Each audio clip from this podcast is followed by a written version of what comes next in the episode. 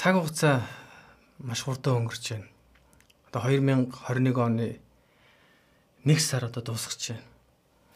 Тэгээд тун тун утахгүй магадгүй нэгдүгээр үйлрэл нь дуусах болно. Тэгээд хоёрдугаар үйлрэл. Дөрөвхөн үйлрэл байгаа шүү дээ тийм үү. Гэтэ цаг хугацаа хичнээн хурдан явж исэн гэсэн бид нэр өдөр бүр өөрийнхөө хийх ёстойгоо хийж өөрийнхөө зориг дуудлага, зориг алсын хараагныхаа төлөө амьдарч явах юм амьдарч явах нэлээд үнцэнтэй юм аа. Тэгээ бид нэр цаг хугацаа богинохон цаг хугацаа хурдан явна уу, удаан явна уу гэдэг бол үнэндээ бидний яг анхаарал хандуул санаа зовх юм биш. Яг бид нар цаг хугацаа хямддаг учраас харин юу бидний чухал вэ гэхээр бид тэр өгөгдсөн бурхнаас бидэнд өгсөн тэр цаг хугацаанд бид нар өөрсдөө хийх ёстой юм хийж байгаа юу, өөрсдөө зориулж чадчих байгаа юу гэдэг бол үргэлж одоо бидний хяналтанд байдаг зүйл байна.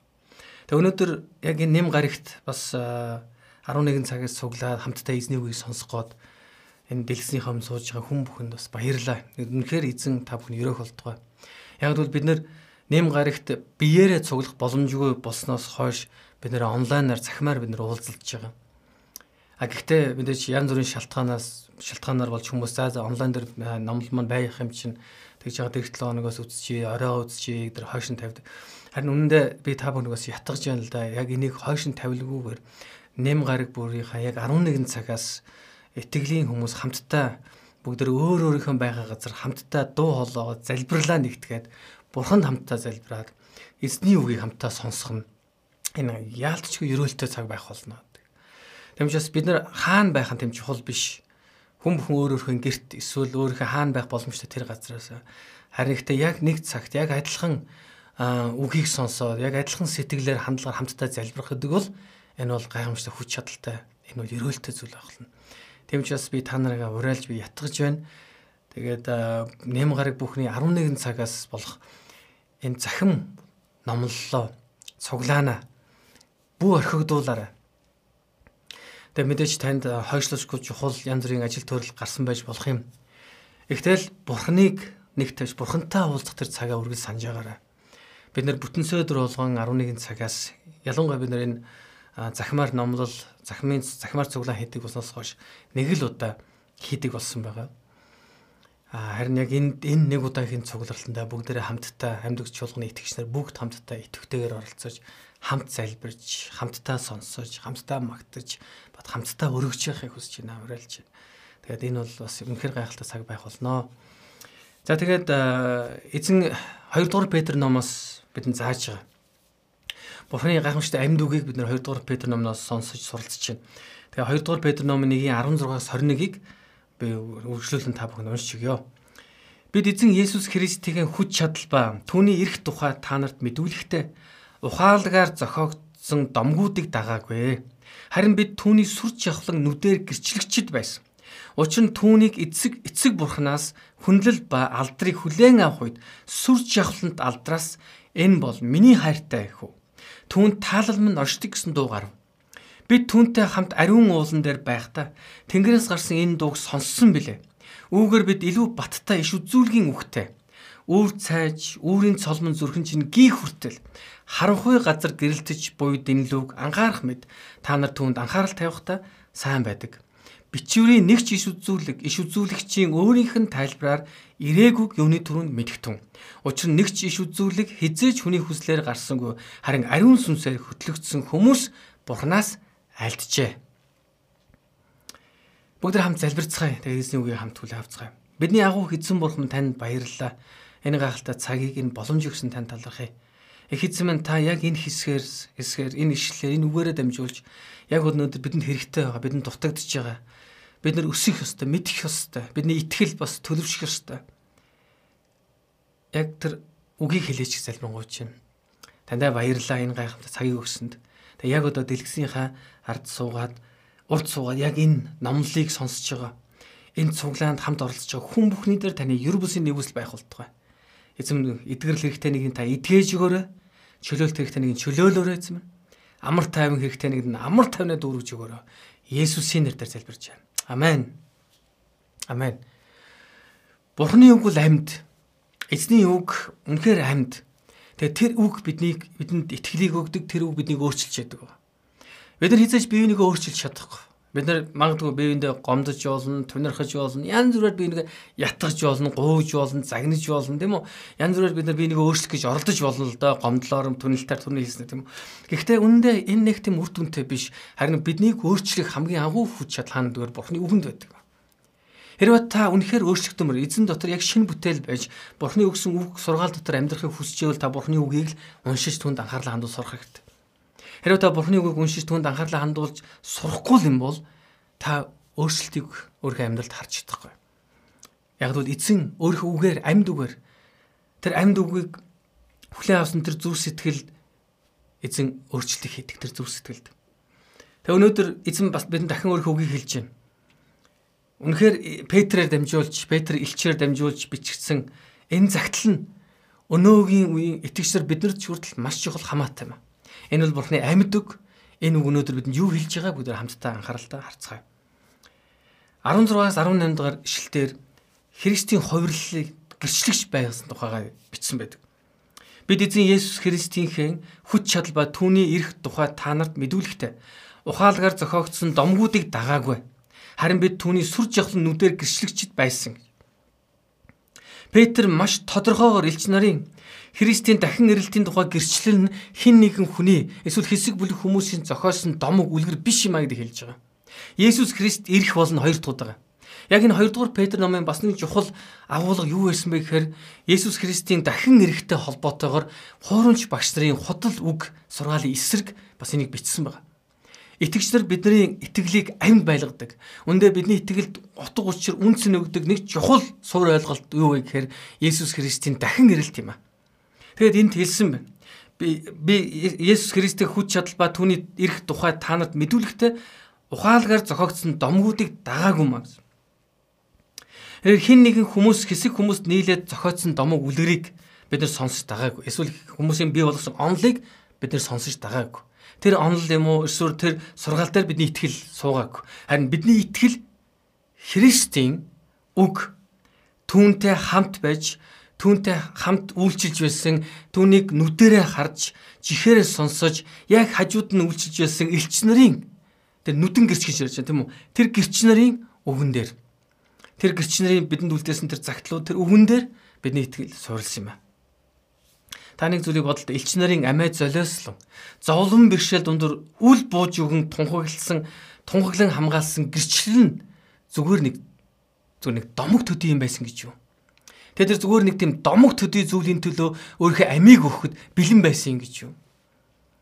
Үнэн дээр тэд нар амьдралаа зориулсан учир шалтгаан байгаа. Тэр амиа золиослсон учир шалтгаан байгаа.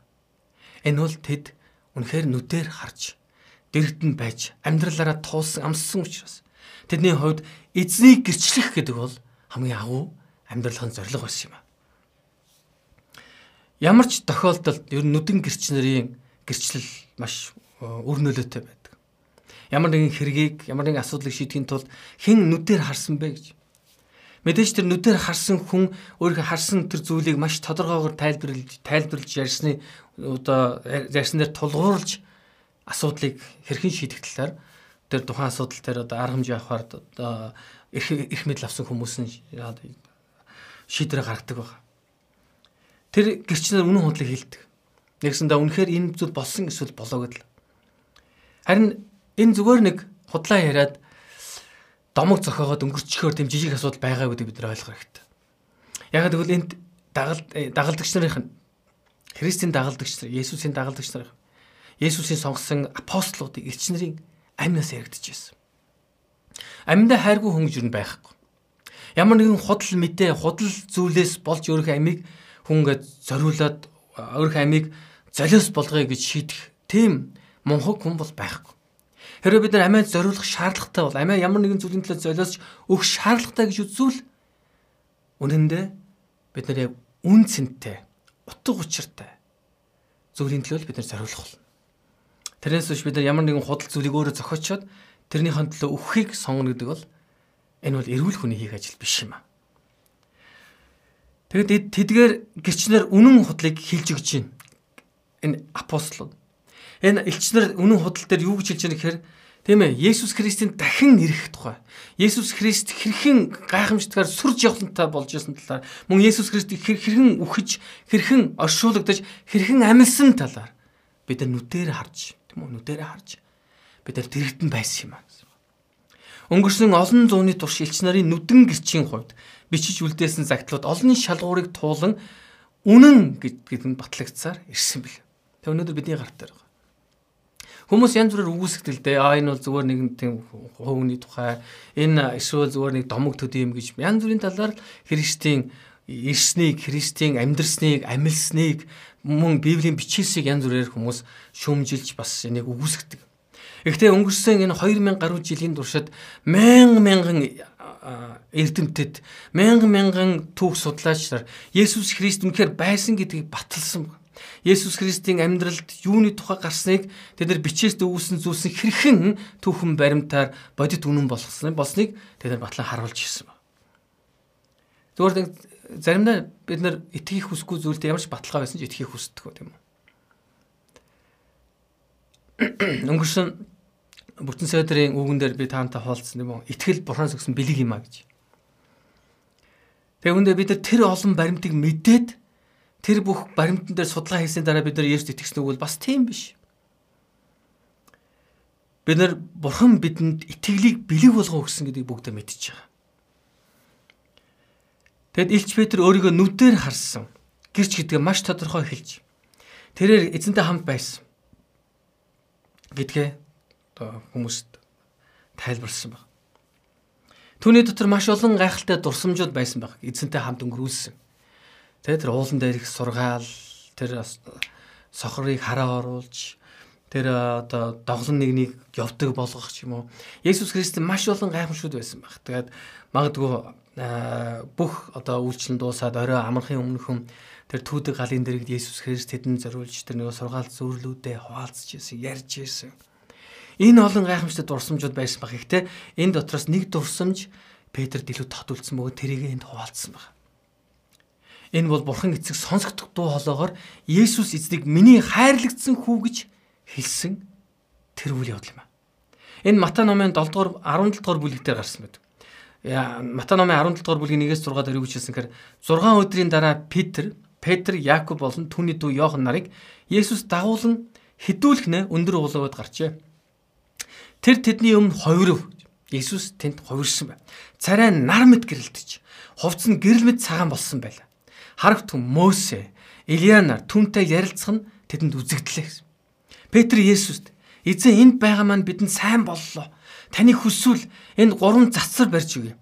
Танд нэгийг, Мосест нэгийг, Илиад нэгийг нь гэж байтал харагт. Гэрэлт үүл тэднийг бүрхэн аваад үүлнээс одоо хамгийн чухал үйл бас. Энэ бол миний хайрт хөө таалал минь түүнд оршдог. Түүнийг сонсготун гих дун гарваа гэсэн. Шавнар үнийг сонсоод нүрээрээ унаж ихэд айв гэсэн. Энэ бол Илч Петр Христийн сүрч явхлан яг дэрэгдээс нь харж гэрч болсон үйл явдал.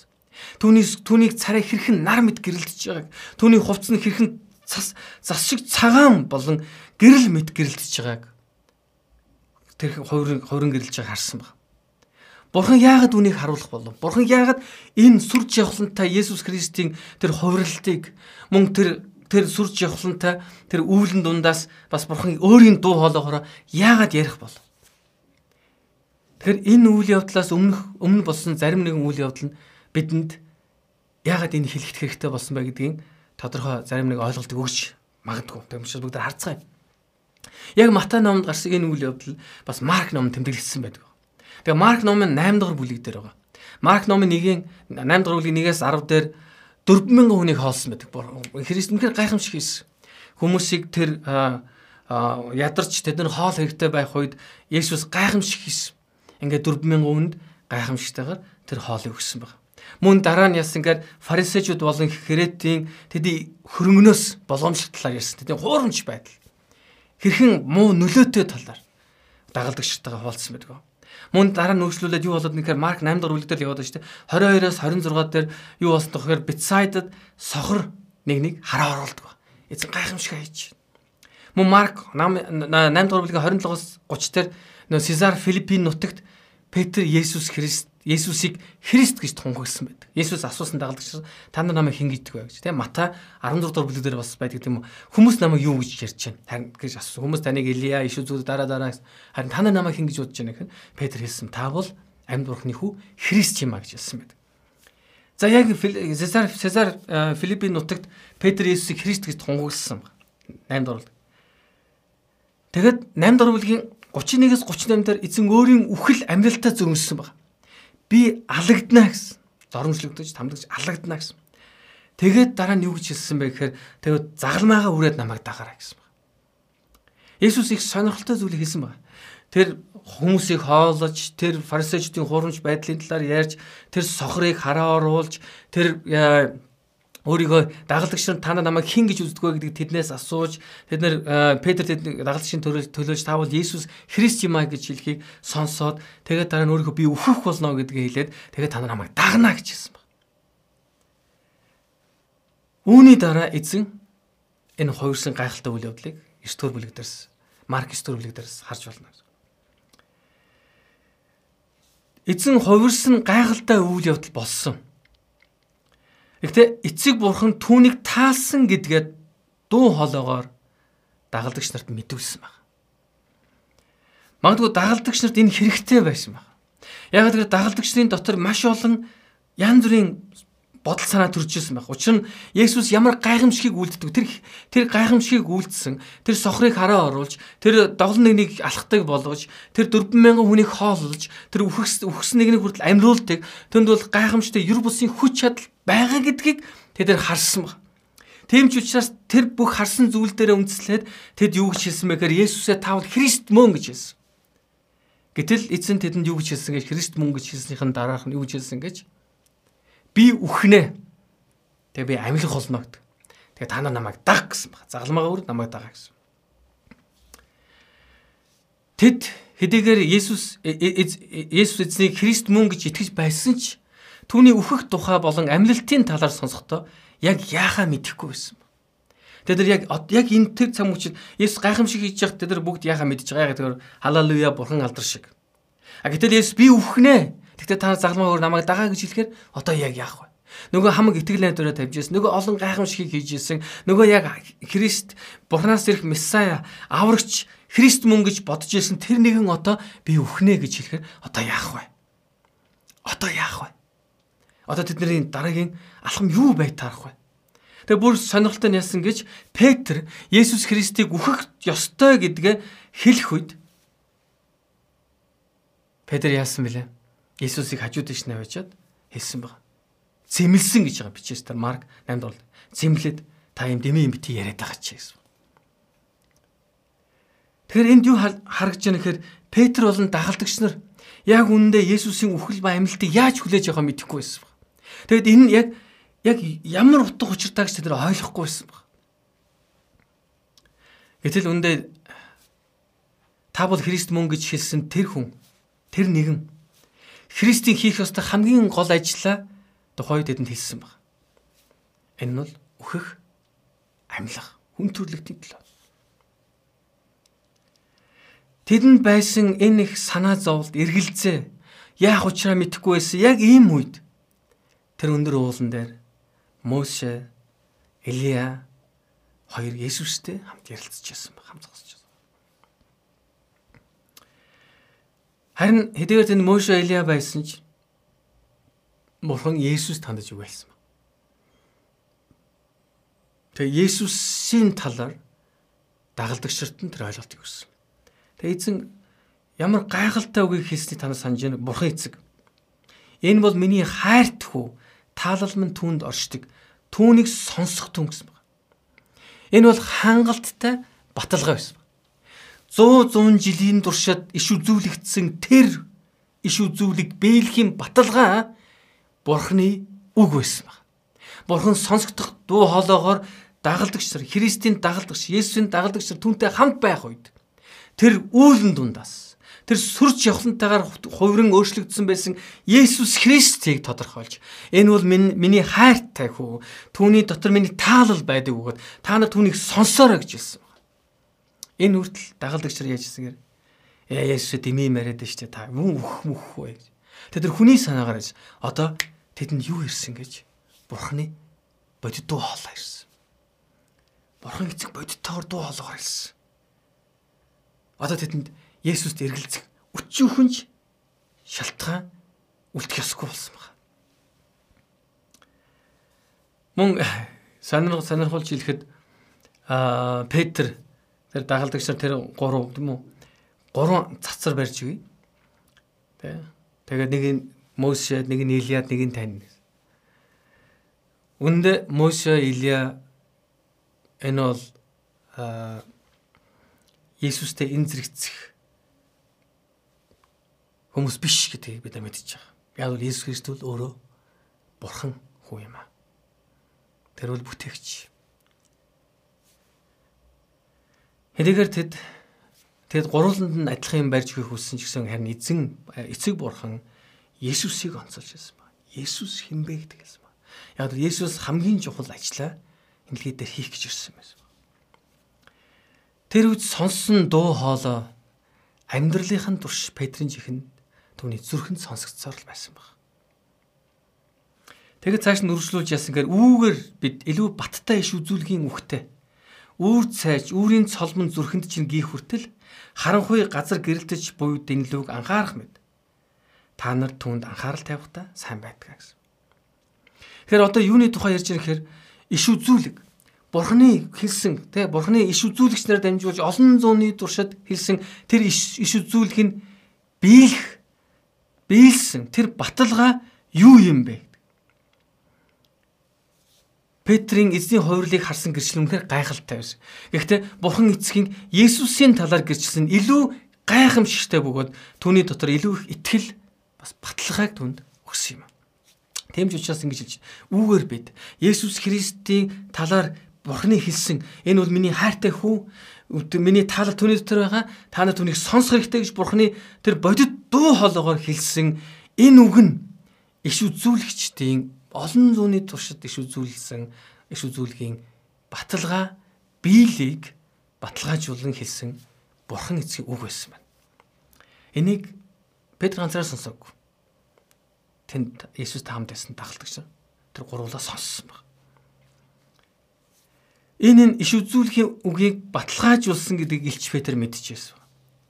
Тиймээс энэ нь бичээсээр өгүүлсэн Христийн тухай иш үзүүлэг нь найдвартай бөгөөд үүний арт бурхан байгаа гэдгийг улам тодор Петр харсан. Иш үзүүлэг биелэх нь харанхуй газар дэнлүү гэрэлтэх мэт юм аа гэдэг.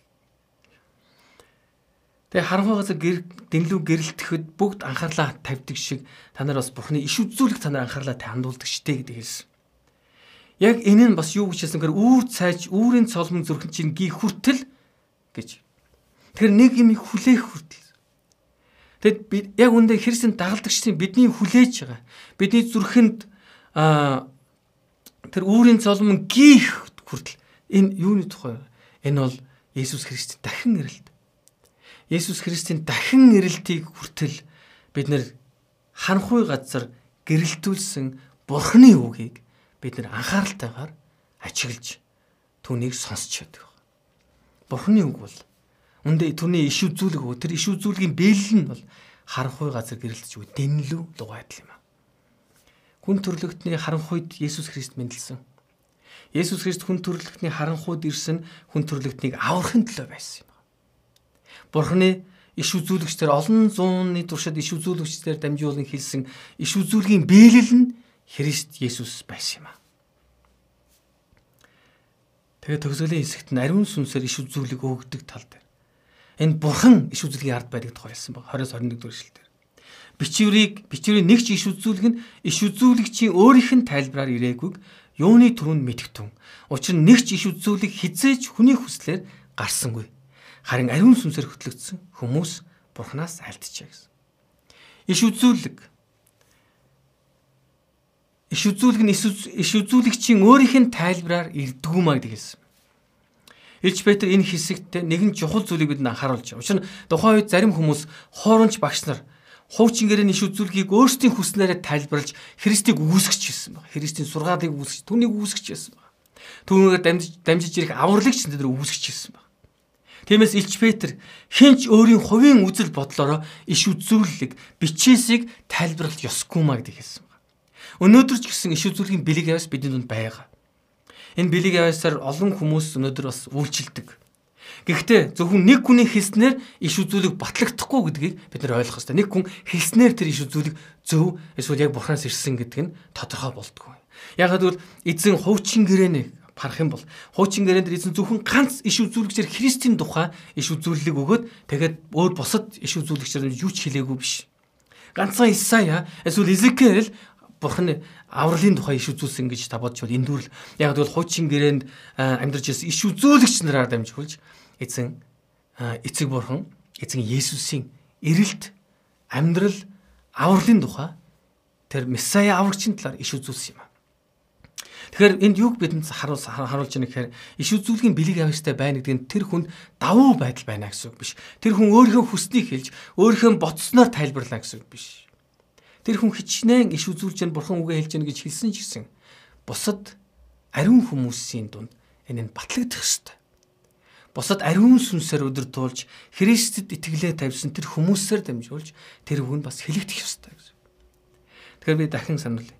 Христийн авралын тухай Христийн ирэх ба дахин амьлах мөн түүнийх дахин шүүх ард түмнээ шүүх тухай энэ иш үзүүлэг нь олон зууны туршид олон арван иш үзүүлэгчээр дамжуулж хэлэгдсэн гэдгийг бид нэр ойлгох хэрэгтэй. Нэг иш үзүүлэгчийн тухай яриаг.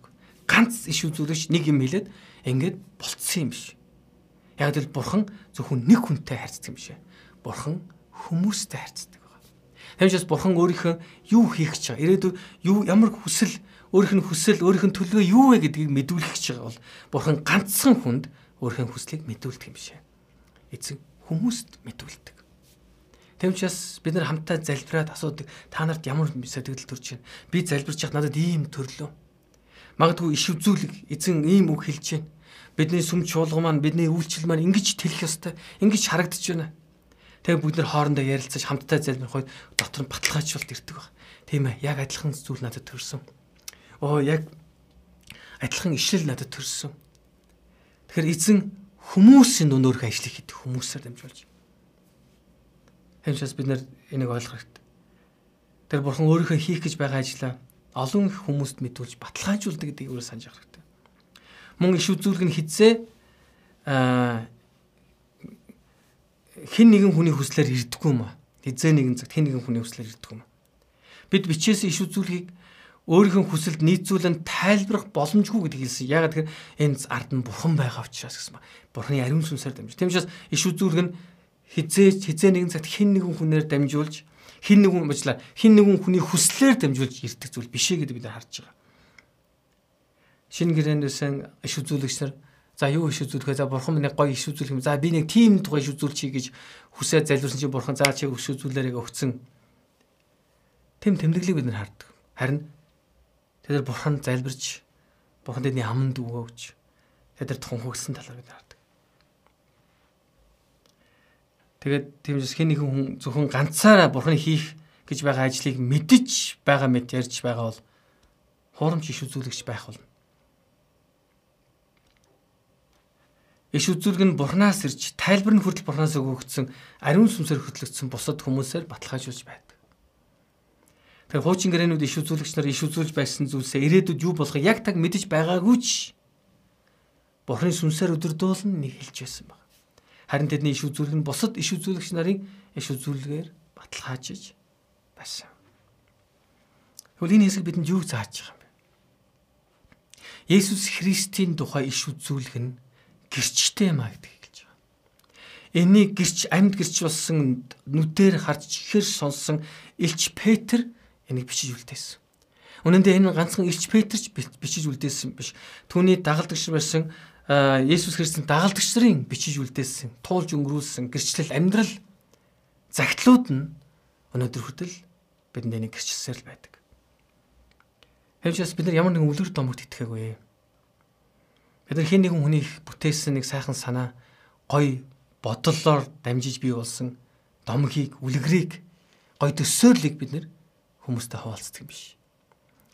Энэ дэлхийн бүтээгч нь өөрөө иш үзүүлж тэр иш үзүүлгээ ард түмнийхэн дунд биелүүлсэнийг бид нэр харж байгаамаа. Тэр бурхан санаандгүй бурхан биш. Тэр бол санаатай, зоригтой бурхан. Бурхан таныг санаандгүй авчираагүй. Энэ дэлхий дээр. Бурхан таны төлөө зоригтой. Бурхан таныг энэ дэлхий дээр ирэхийг мэдчихсэн. Хаан төрхийг, хэдэн он төрхийг, хэний хүүхэд болохыг бурхан мэдчихсэн. Тэмчээс хүлээж авах туу. Бурханы хуучин гэр иш үзүүлэгчдээр дамжиж хэлсэн авралын иш үзүүлгүүд нь биелсэн юм а. Тэгвэл үргэлжлүүлэн бурхан хүн төрлөختөнд аврах иш үзүүлгүүд биелж байгаа. Тэр биелсэрч байх болно. Таныг л өдөр бид нар мөнхийн үсэд бурхантай хамт дахиж хизээч уйлахгүй. Хизээч гомдлохгүй, өрсөлдөхгүй, атаарахгүй, хизээч өвдөхгүй, зовхгүй. Тэр мөнхийн үсэд бурхантай хамт байх энэ иш үзүүлэг биелэх болно. Тэг бүгдээр хамт залбирцгаая. Бурхан талархъя. Өөрийн амлалтыг биелүүлсэн эзэндээ талархъя. Өөрийн иш үзүүлэгчээр дамжуулж хэлсэн бүхнийг биелүүлдэг эзэн бурхандаа талархан залбирцгаая. Хамт залбирцгаая. Бидний их эзэн минь танд баярлалаа. Эзэн бурхан минь та өөрийнхөө үгийг өгсөнд баярлалаа. Таны үгэнд итгэлээ тавьж таны иш үзүүлэгчээр дамжуулс дамжуулж хэлсэн тэр үг бүр биелээ олсныг харахтаа талархаж байна. Есүс Христ эзэн минь танд баярлалаа. Биднийг аврахын тулд ирсэнд баярлалаа. Бидний төлөө өгөхөд амьсан баярлалаа. Бидэнд мөнх амиг өгсөнд баярлалаа. Тэгээ мөнхийн улсад бидний төлөө орон байрыг бэлдсэн таньдаа баярлалаа. Бид тун утахгүй тантай хамт үрд мөнхөд таны бэлдсэн мөнхийн улс орон байранд хамт байх болно. Баярлалаа эзэн бүх алдыг танд өргөж Есүсийн нэрээр залбирлаа. Амен. Амен. Тэгэд итгэлийн ан нөхтөн бид нар үнэхээр бурхнаар өргөгдсөн хүмүүс. Эзэн өөрийнхөө иш үзүүлгийг үргэлж биелүүлдэг. Өнгөрсөн бүтэн зэдэр би хэлсэн бурхан өөрийнхөө амлалтыг өндөд өргөмжилсэн юм а гэж. Тийм ээ. Эзэн өөрийнхөө амнаас гарсан тэр үгийг бас өөрийнхөө иш үзүүлэгчдээр дамжуулж хэлсэн тэр үгийг тэр иш үзүүлгүүдийг үргэлж биелүүлсэн биелүүлсээрч байх болно. Эзэн алдарш болтугай. Тэгээ таны дээр бурхны гайхамшиг нэгүсэл байх болтугай. Бүгд эрэх 7 хоног Петр намаа өршлүүлэн бүгд хүлээ авцгаая. Бурхан энэ үгээр дамжуулж танд өөрийнхөө хүслийг өөрийнхөө бас илэрхийлийг өгсөн гэж найдаж байна. Тэгмээс бурхны үгнээс зурж амьдраарай. Эзэн та бүхэн өрөөх болтугай. Амен.